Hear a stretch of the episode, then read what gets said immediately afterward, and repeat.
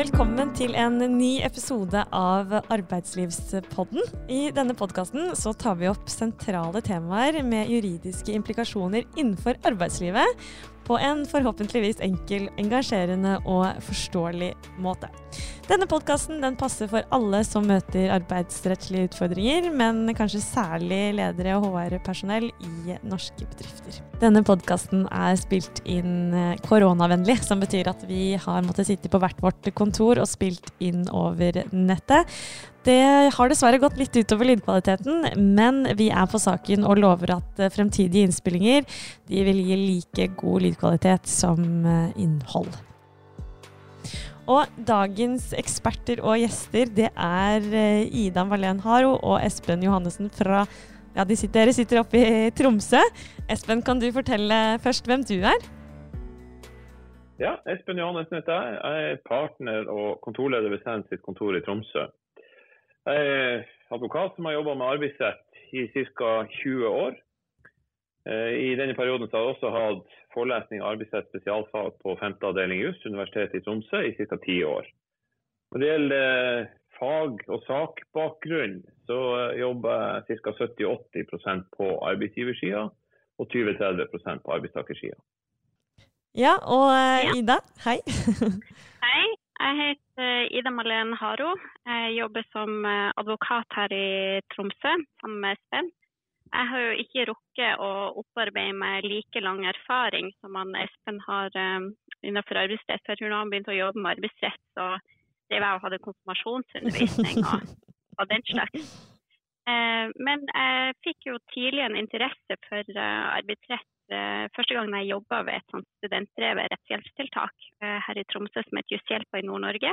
Hvor jeg jobba på en gruppe da, når, eh, som hadde arbeidsrett som et ut av sine felt. Og det tiltalte meg veldig, så da valgte jeg spesialfag arbeidsrett på, på universitetet. Og har vi en liten omvei, da. Endte opp her i Sands, hvor jeg jobber spesialisert med arbeidsrett. Så jeg og Espen vi utgjør jo til sammen arbeidsrettsteamet her i Tromsø men vi jobber også tett med firmaet sin nasjonale faggruppe. Og vi er jo veldig glad for å ha begge dere i, oppe i, i, Tromsø, og som gjester i dagens podkast der eh, temaet er bonusordninger. Og eh, for å gå rett inn i det, da. Det, vi forstår hva bonus betyr. Det er at man, man, får et eller annet ekstra. Men hva er egentlig bonusordninger? Bonusordning er en form for variabel avlønning eh, av de ansatte som i de fleste tilfeller kommer i tillegg til fast lønn. Bonusordninger benyttes ofte for å motivere og belønne, belønne innsats knytta til spesifikke fokusområder for en virksomhet. Normalt med direkte, men andre ganger også med indirekte tilknytning til virksomhetens verdiskapning. I noen tilfeller så er bonusordninger direkte knyttet til innsats eh, til virksomhetens eh, økonomiske resultat, andre ganger til litt mer eh, avleda verdiskapende aktiviteter. Så kan det være ulike betegnelser på slike ordninger, eh, litt avhengig av hva som er grunnlaget for bonusen. Og Det kan også være gradvise overganger mellom det som i sin kjerne er en bonusordning, som tillegg til fast lønn, og det som er full resultat prestasjonslønn ulike former for akkordavlønning, overskuddsfordeling osv. Felles for alle disse er imidlertid at de skal gi et insentiv og skape en motivasjon hos de ansatte for ekstra bidrag til virksomhetens aktiviteter og verdiskapning. Ja, og så har du jo noen virksomheter som utbetaler enkeltstående bonus, f.eks. i forbindelse med at en virksomhet har hatt eh, ekstraordinære resultater, eller, at, eh, eller at man et år har hatt ekstraordinære prestasjoner, men uten at det ligger noe fast avtalt bonusordning som en del av eh, avlønninga. Og Det ligger egentlig litt på sida av det som vi prater om her i dag. For Når vi snakker om bonusordning, så snakker man om en fast, men likevel variabel del av den ansatte sin avlønning. Eh, og Noen ganger så kan det også være sånn at man har en fullt ut variabel avlønning basert på prestasjoner. Eh, og Det er ikke uvanlig f.eks. i enkelte bransjer, eller kanskje spesielt i salgsstillinger i forsikringsbransjen og lignende. Hvor fritt står egentlig partene til å avtale innholdet av av en bonusordning. Hva er det den kan eh, omfatte? Ja, så Der er egentlig utgangspunktet veldig klart. Det er full avtalefrihet. Og det er ingen generelle regler om uh, minstelønn som gjelder for alle uh, arbeidstakere i Norge. Um, og så er det noen unntak der hvis man f.eks. har ufravikelige regler som er fastsatt i tariffavtaler eller lov. F.eks. så kan det være allmenngjorte tariffer som gir rett til minstelønn i ulike bransjer. Eh, og så er det også visse begrensninger ut fra alminnelige avtalerettslige regler. F.eks. At, at avtaler ikke kan være for urimelige hvis de da skal stå seg. Og Det handler jo om at arbeidsavtaler som alle andre avtaler i utgangspunktet skal være gjensidig. Ikke sant? Det vil si at man har en ytelse mot ytelse. Så man kan tenke seg en nedre grense for hva som vil stå seg rent avtalerettslig, om den f.eks. en ansatt i liten grad har mulighet til å oppnå eller påvirke lønna si, sånn at man når et fornuftig nivå eh, også gjennom bonusordning. Men der er det jo viktig at man må jo se eventuelt fastlønn og, og bonus under ett eh, i tilknytning til begge deler, både når det gjelder eventuelle minstekrav og eh, i tilknytning til avtalerettslige begrensninger. Espen, kan du si litt mer om hvilke typer bonusordninger som, som finnes, og hva som kan avtales og brukes? Ja, Det finnes mange ulike varianter, og de vil ofte i, i mer eller mindre grad være skreddersydd eh, mot den enkelte virksomhet. Og så vil det være avhengig av hvilke områder og innsatsfaktorer som eh, den enkelte bedrift og virksomhet ønsker å styrke eller forbedre. I noen tilfeller så vil det kunne gjelde for alle ansatte i bedriften. I andre tilfeller så vil det kunne gjelde for noen ansatte, nøkkelpersonell, ledernivå eller i typisk salgsretta stillinger. Og så vil eh, innholdet av ordningen kunne variere. Eh, det vil kunne f.eks. dreie seg om bonus knytta opp mot den ansattes egne direkte skapte omsetning og salg. Hvor det da fastsettes ulike formler eller prosenter osv. som da eh, bonusen beregnes ut fra. F.eks. et visst prosentbeløp eller et visst terskelbeløp eh, ut fra oppnådd omsetning, salg, fakturerte timer osv. I noen tilfeller vil også denne type ordninger knytta til eget salg eh, være kombinert med minste garantilønn, som man da uansett vil ha krav på, enten man kommer under eller over det nivået hvor bonusen da slår inn. Mens i andre tilfeller igjen så kan eh, bonusordninga dreie seg om ei mer resultatbasert ordning på litt mer overordna nivå, f.eks. knytta til resultatet for den avdelinga arbeidstakeren er ansatt på, eller hele virksomheten, og da gjerne med noen fordelingsnøkler eh, om hva som skal vektlegges når man skal fordele bonusen da, eh, mellom flere ansatte. Ja, Som han Espen er inne på, så finnes det jo en eh, god del ordninger som har eh, mer sånn objektivt målbare kriterier, eh, som inneholder beregningsmetoder som gjør at det er mange ganger ikke tvilsomt om man har rett til bonus, og hva den bonusen i så fall skal være. Men så har du også en del skjønnsmessige ordninger som man kaller for diskresjonære bonuser. Hvor en virksomhet vurderer om den enkeltes innsats gir grunnlag for bonus i tillegg til fastlønn, men ikke basert på like fastsatte eh, kriterier. Eh, det tar eh, utgangspunkt i ulike andre aspekter ved den ansattes arbeid. Det kan være at det er en kombinasjon av enkelte målbare objektive kriterier og andre innsatsområder da, i den enkeltes arbeid som ikke lar seg måle like lett. Eh, og Det innebærer jo at du kan ha ordninger som er fullt ut skjønnsmessig, eh, der man ikke har noen holdepunkter for å si selv om man har krav på bonus eller ikke, før den vurderinga er gjort. Eller det kan være en kombinasjon av resultatbasert bonus etter målbare kriterier og en skjønnsmessig eh, bonus i tillegg. Så kort oppsummert er det, det er mange muligheter til å avtale ulike former for kriterier i ordninga. Og det kan også være et ganske stort spenn mellom hvor stor del av den totale avlønninga som bonusen utgjør. Det kan variere veldig mye.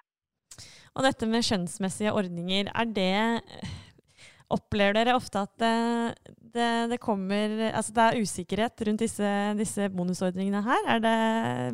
Eller går det som regel smertefritt? Det tror jeg kan eh, variere hvem du spør, og kanskje spesielt om man sitter på arbeidsgiversida eller arbeidstakersida. Ehm, ehm, det som vi vil komme litt tilbake til, så er det jo noen hensyn ehm, som man må ta som arbeidsgiver når man skal vurdere om det skal gis bonus, og hvor stor den bonusen skal være da, i en sånn skjønnsmessig bonusordning. Og på arbeidstakersida så vil det jo på, på, en måte være kanskje litt vanskeligere å vurdere da, om den bonusen man har fått er, er rettferdig, da, alle forhold tatt i betraktning. Fordi det er ingen um, like objektivt målbare kriterier som da tilsier at du skal få et bestemt beløp i bonus. Ja, nå var du kanskje litt inne på det allerede, men uh, hva er det som er ekstra viktig å tenke på uh, for både arbeidsgiver og arbeidstaker, hvis du kan si uh, litt om det?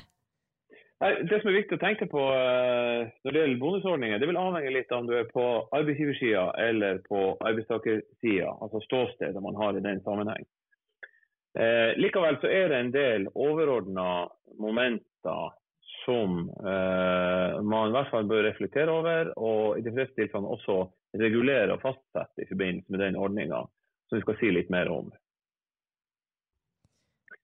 Og Et av disse spørsmålene vil jo være hvorvidt man skal eh, eh, gjøre ordninga til en individuelt, individuelt avtalt ordninger, ordning med rettigheter for den ansatte, eller om man skal ha avtale eller fastsette en ordning som ensidig kan endres i kraft av arbeidsgivers styringsrett. Ja, eh, og der er du inne på noe spennende, Espen. For hvordan kan man egentlig vite om det er snakk om individuelle rettigheter, eller noe som kan endres i, eh, i kraft av styringsretten? Ja, det kan jo kanskje jeg si litt om. Eh, det er jo egentlig et veldig eh, stort tema som man kan snakke om egentlig på alle områdene når man snakker om rettigheter og plikter i et arbeidsforhold. Men sånn grovt sett, litt forenkla, så kan man si at man skiller mellom individuelt avtale avtalte rettigheter. Da snakker man om eh, vilkår som er nærmere fastsatt i den enkeltes arbeidsavtale. Og hvorvidt det er en individuelt avtalt rettighet, det beror som regel på en tolkning av avtalen. Så når det gjelder bonus, så kan det typisk være at man i tilknytning til eh, en eh, ansettelse eller en reforhandling av en arbeidsavtale har fremforhandla særskilte vilkår knytta til bonus i sin egen arbeidsavtale. Eh, og at de da er formulert sånn at det gir den ansatte bonusrettigheter på lik linje med fastlønn. Det innebærer i praksis at eh, om man som arbeidsgiver da skal endre på det senere, eh, så vil det i realiteten mange tilfeller innebære en endringsoppsigelse. Mens at når man snakker om full styringsrett, som kanskje er det vanligste, det er i hvert fall veldig vanlig, så innebærer det at man har avtalte ordninger som arbeidsgiver kan endre uten samtykke fra arbeidstakerne. Eh, og det kan man gjøre helt lovlig så lenge man har eh, avtalt en sånn adgang riktig. Og det man i mange arbeidsavtaler ser, det er sånne klassiske formuleringer som f.eks. at den ansatte er medlem av virksomheten til enhver tid gjeldende bonusordning. Eh, hvis det er avtalt, så har arbeidsgiver full styringsrett til å både endre og for så vidt også fjerne bonusordninga på et senere tid. Om man skal velge det ene, altså en avtalt ordning som er fast og som ikke kan endres av eh, arbeidsgiver ensidig, eller om man skal fastsette en ordning som arbeidsgiver skal kunne endre, det vil avhenge litt av de hensynene som gjør seg gjeldende i det konkrete tilfellet ved den konkrete virksomheten. Hvis vi ser det fra arbeidsgivers ståsted, så er det på den ene sida viktig med en forutsigbar og realistisk bonusordning for arbeidstakerne, hvis ordninga skal fungere som en motiverende ordning. Hvis den ikke er forutsigbar og den ikke er realistisk, altså at det fastsettes krav, milepæler som er vanskelig å oppnås, så vil ofte det å ha en bonusordning faktisk kunne virke mot sin hensikt. På den andre sida så eh, vil arbeidsgiver og virksomheten veldig mange ganger ha behov for å kunne tilpasse og justere slike ordninger etter virksomhetens utvikling, endring i rammevilkår, endring i markedet osv. fremover. Eh, og Da vil en individuelt avtalt ordning, som ikke kan endres av arbeidsgiver uten samtykke fra arbeidstakeren, kunne bli for byrdefull og uhensiktsmessig. Eh, så arbeidstakers ståsted så eh, er jo ofte forutsigbarhet med hensyn til den totale avlønninga viktig.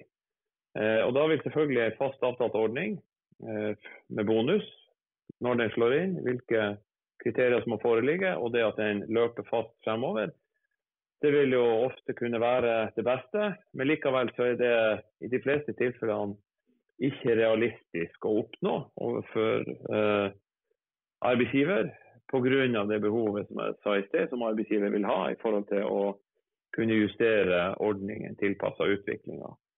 Derfor så vil det veldig ofte handle om å finne gode mellomløsninger mellom størrelsen på fastlønna på den ene sida og den trygghet og forutsigbarhet det gir for arbeidstakeren, og det som man kan oppnå eh, på toppen da, i bonus som motiverende for ekstra innsats. Ja, og Et annet overordna moment eh, som man må ta stilling til når man skal fastlegge eller innføre en eh, bonusordning, det er jo hvorvidt man skal gå for en sånn her skjønnsmessig ordning eller en eh, ordning med mer spesifikt fastsatte eh, kriterier. Eh, og som Espen var inne på, så er det jo sånn at jo større fleksibilitet ordninga gir for arbeidsgiver, altså jo mer skjønnsmessig den er, jo større uforutsigbarhet er det da for arbeidstaker.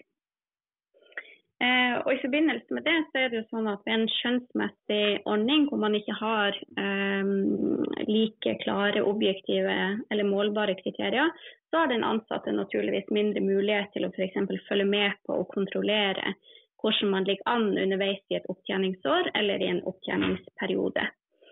Eh, og Et annet poeng er jo at hvor konkret ordninga er, dvs. Si hvilke mål som skal nås for å kunne få bonus, det har også en side til hva som motiverer de ansatte.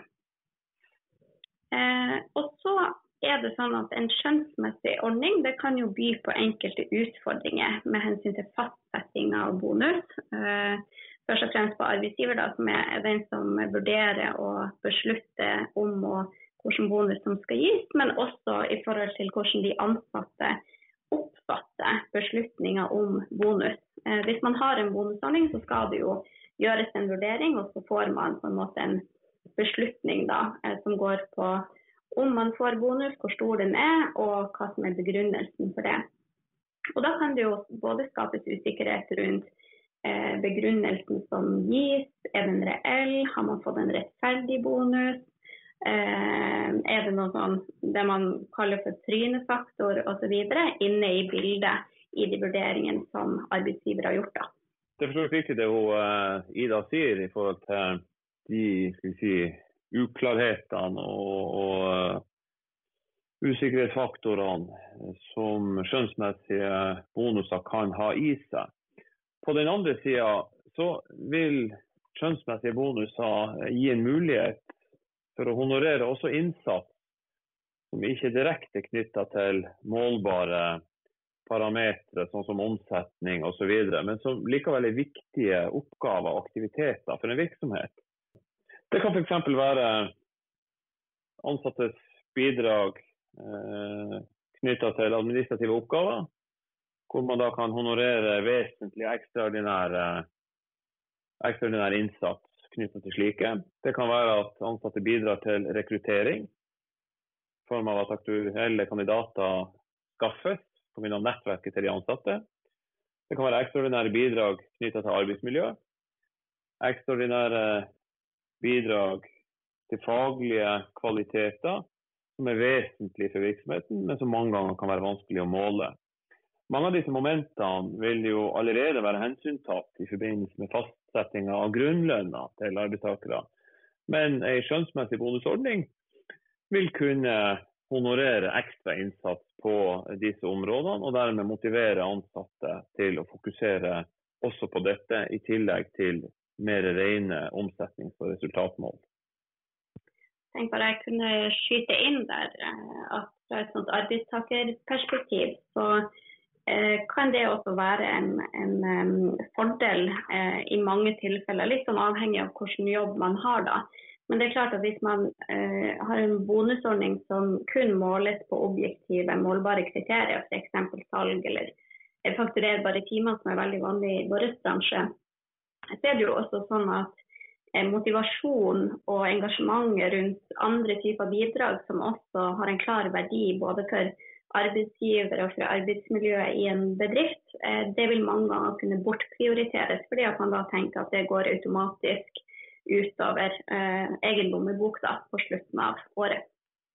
Og så Et tredje eh, litt overordna forhold, moment, som man bør eh, vurdere eh, i forbindelse med fastsettelse av, av bonusordninger, er jo den totale avlønninga som det vil kunne gi arbeidstaker, og de totale kostnadene det vil kunne påføre virksomheten.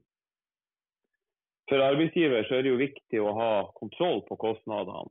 Eh, slik at man vet at man har rygg til å kunne utbetale dette. Og Det er selvfølgelig også eh, viktig for arbeidstaker.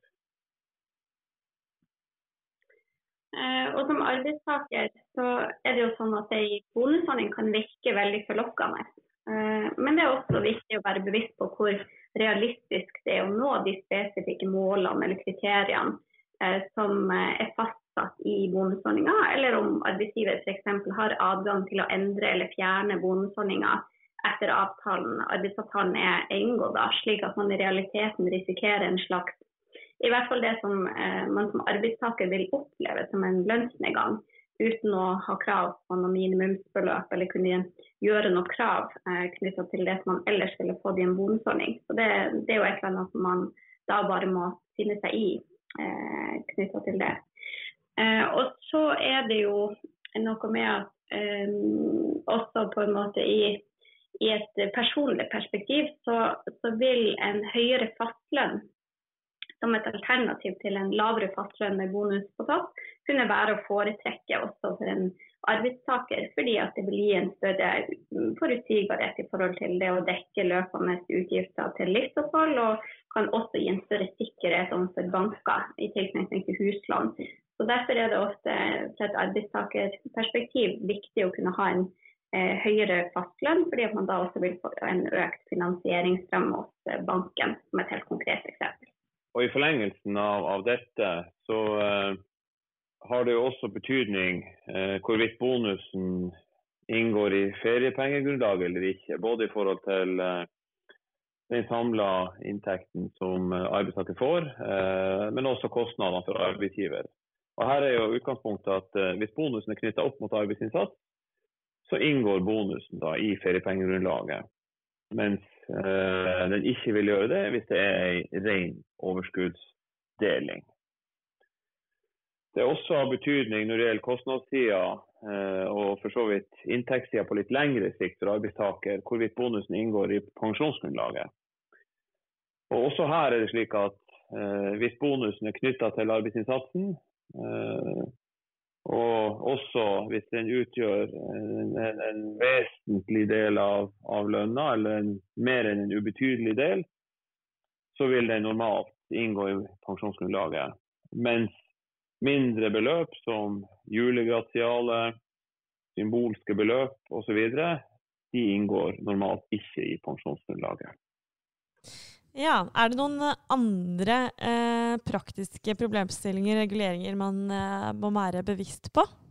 Ja, altså det er jo eh, nær sagt ingen grense for hva man egentlig kan avtale eh, av vilkår knytta opp mot en bonusordning. Men det som er veldig praktisk, det er jo f.eks. å ha et bevisst forhold til utbetalingstidspunktet. Eh, og det er jo viktig både for arbeidsgiver og, og arbeidstaker. Og Der er det jo forskjellige praksiser. Det kan være noen som utbetaler bonus månedlig, det kan være årlig, det kan være stikke ut i året etter opptjeningsåret osv. Et annet veldig praktisk spørsmål um, som man må ta stilling til når man skal avtale en bonus, og som man må forholde seg til i en, i en fastlagt bonusordning som arbeidstaker, det er om bonusordninga uh, har vilkår om at man fortsatt må være ansatt i bedriften eller i en uoppsagt stilling eh, på det tidspunktet når bonusen skal utbetales. Sånn for å sette det i et eh, praktisk eksempel, hvis man har kalenderåret som opptjeningsperioden, men bonusen skal ikke utbetales før i februar eller mars året etterpå, så kan man jo si at ja, man har opptjent rettigheten gjennom året før, men man eh, må være i en situasjon hvor man ikke har sagt opp sin eierstilling eller blitt sagt opp av arbeidsgiver på det tidspunktet bonusen utbetales for å ha rett til det. Og Det vil jo i praksis si at hvis man eh, da velger å si opp selv i januar f.eks., så kan det innebære at hvis det er avtalt vilkår knytta til det, at man rett og slett mister rettigheten til utbetaling av bonus. Og Det er også helt lovlig så lenge det er avtalt som en del av eh, bonusordninga. Eh, og Grunnen til at mange arbeidsgivere eh, ønsker å regulere det, det er fordi at en bonusordning det handler ikke bare om den verdiskapinga som skjer i selve opptjeningsåret, eller hvis man har en annen opptjeningsperiode, men det handler litt om kontinuitet, lojalitet, og at den verdien som man er med på å skape, Eh, skal også ha en eh, verdi fremover. Da. Og Derfor ønsker mange arbeidsgivere en ordning hvor, hvor man på en måte eh, fremdeles må ha den tilknytninga til virksomheten på utbetalingstidspunktet. Da har vi jo egentlig kommet oss gjennom, gjennom store deler av bonusordninger. Men for å oppsummere litt, har dere noen, noen siste tips her på tampen?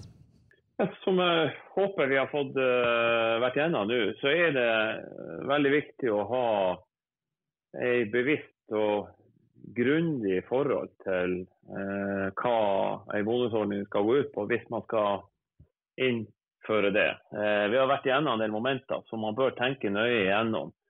Og Det første kanskje overordna spørsmålet er jo om det passer med en bonusordning eh, i denne virksomheten i det hele tatt. Og Det vil jo bero på si, hva aktiviteten består av. Eh, også litt forhold på på arbeidstakersida i forhold til hvor viktig er forutsigbarheten og kanskje dette med ei, ei fastlønn og sikker inntekt kontra det å være villig til å dele litt mer av risikoen knytta til den verdiskapinga man sjøl eh, er på. Det blir på en måte kanskje det første helt overordna viktige spørsmålet man bør stille seg.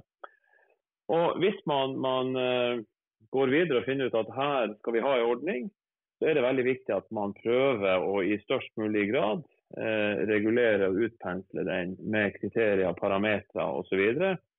Slik at man får en, en, en eh, forutsigbarhet knytta til det. Og så er det utrolig viktig at den er reell. Og med det mener jeg at det er mulighet for arbeidstaker til å oppnå skal vi si, disse milepælene man setter for innslag av bonus osv. For uh, hvis man setter disse innslagene for høyt og for urealistisk, så vil den fort virke mot sin hensikt å ha en bonusordning i det hele tatt. Hvilke type bransjer er det bonusordninger passer best i? Det vil jo ofte være typiske yrker hvor eh, ansattes aktiviteter kan måles. Eh, aller best vil det kunne passe i typiske salgsvirksomheter. Det ble nevnt forsikringsbransje litt tidligere, eiendomsmegling, eh, også vanlig for advokatbransjen. Hvor det er mer direkte retta inn mot hver enkelt individuelle innsats. Så er det også eh, for øvrig eh, ganske vanlig med ulike former for bonus, men hvor da fastlønna utgjør det alt vesentlige avlønning av arbeidstakerne. Men man har likevel en, en påskjønning i form av en bonus for å skape en sånn team-lagfølelse. Eh, som igjen antas å få betydning for virksomhetens eh, verdiskapning, men også verdier og fokusområder litt bredere og videre som, som, virksomheten ønsker å fokusere på. Sånn at Innenfor privat sektor så er det ganske vanlig med en eller annen form for bonusordning. Så dere, dere sier at altså bonus, eh, bonusordninger kjempestort eh, tema. Forenklet eh, sagt. Eh, skille mellom individuell avtale og full styringsrett. Hva er, kan dere si noen pros and cons på disse to avtalene? Hvorfor velger man f.eks. en individuell avtale? Individuell avtale vil man typisk velge der hvor vesentlige deler av avlønninga til den ansatte skal være knytta opp mot egen innsats. Eh, typisk saltforsikring, eiendomsmegling. Eh, noen tilfeller også innenfor eh, advokatbransjen. Hvis store deler av avlønninga er knytta til den, de verdiene den ansatte sjøl skaper, da er det mer vanlig, og for så vidt også rimeligere, at den ordninga ikke ensidig kan endres av arbeidsgiver. Mens hvis arbeidsgiver i utgangspunktet betaler en forholdsmessig sett høy fastlønn, eh, så er det mer vanlig og mer fair og rimelig at eh, denne bonusordninga vil kunne justeres. F.eks. man endrer vilkårene neste år eller litt frem i tid, mer tilpassa rammebetingelser, markedsutvikling osv. Ja, da er det vel egentlig bare å si tusen takk eh, til dere, Ida og Espen. Jeg har lært en del om bonusordninger. Føler dere at eh, vi har eh, fått frem det vi, det vi ville? Ja, Vi er jo veldig glad i å prate, så vi kunne sikkert ha prata veldig mye mer om, om bonusordning. Men jeg tror vi har vært igjennom hovedtrekkene i det som er viktig å tenke på fra begge perspektivene. Um, og så er det jo eh, Det er veldig mange ting å, å, være oppmerksom på, både med tanke på når man skal innføre og avtale, og for så vidt også forholde seg til å sette seg inn i hva den bonusordninga som man har avtalt og, og, man er en del av, eh, faktisk innebærer. Og det har jo en side til at man, man ønsker jo å redusere både risikoen for tvist i etterkant, men eh, også ja, bevare en god stemning på kontoret eller der man er ansatt. Så eh, jeg tror vi har dekket det aller meste. Ja.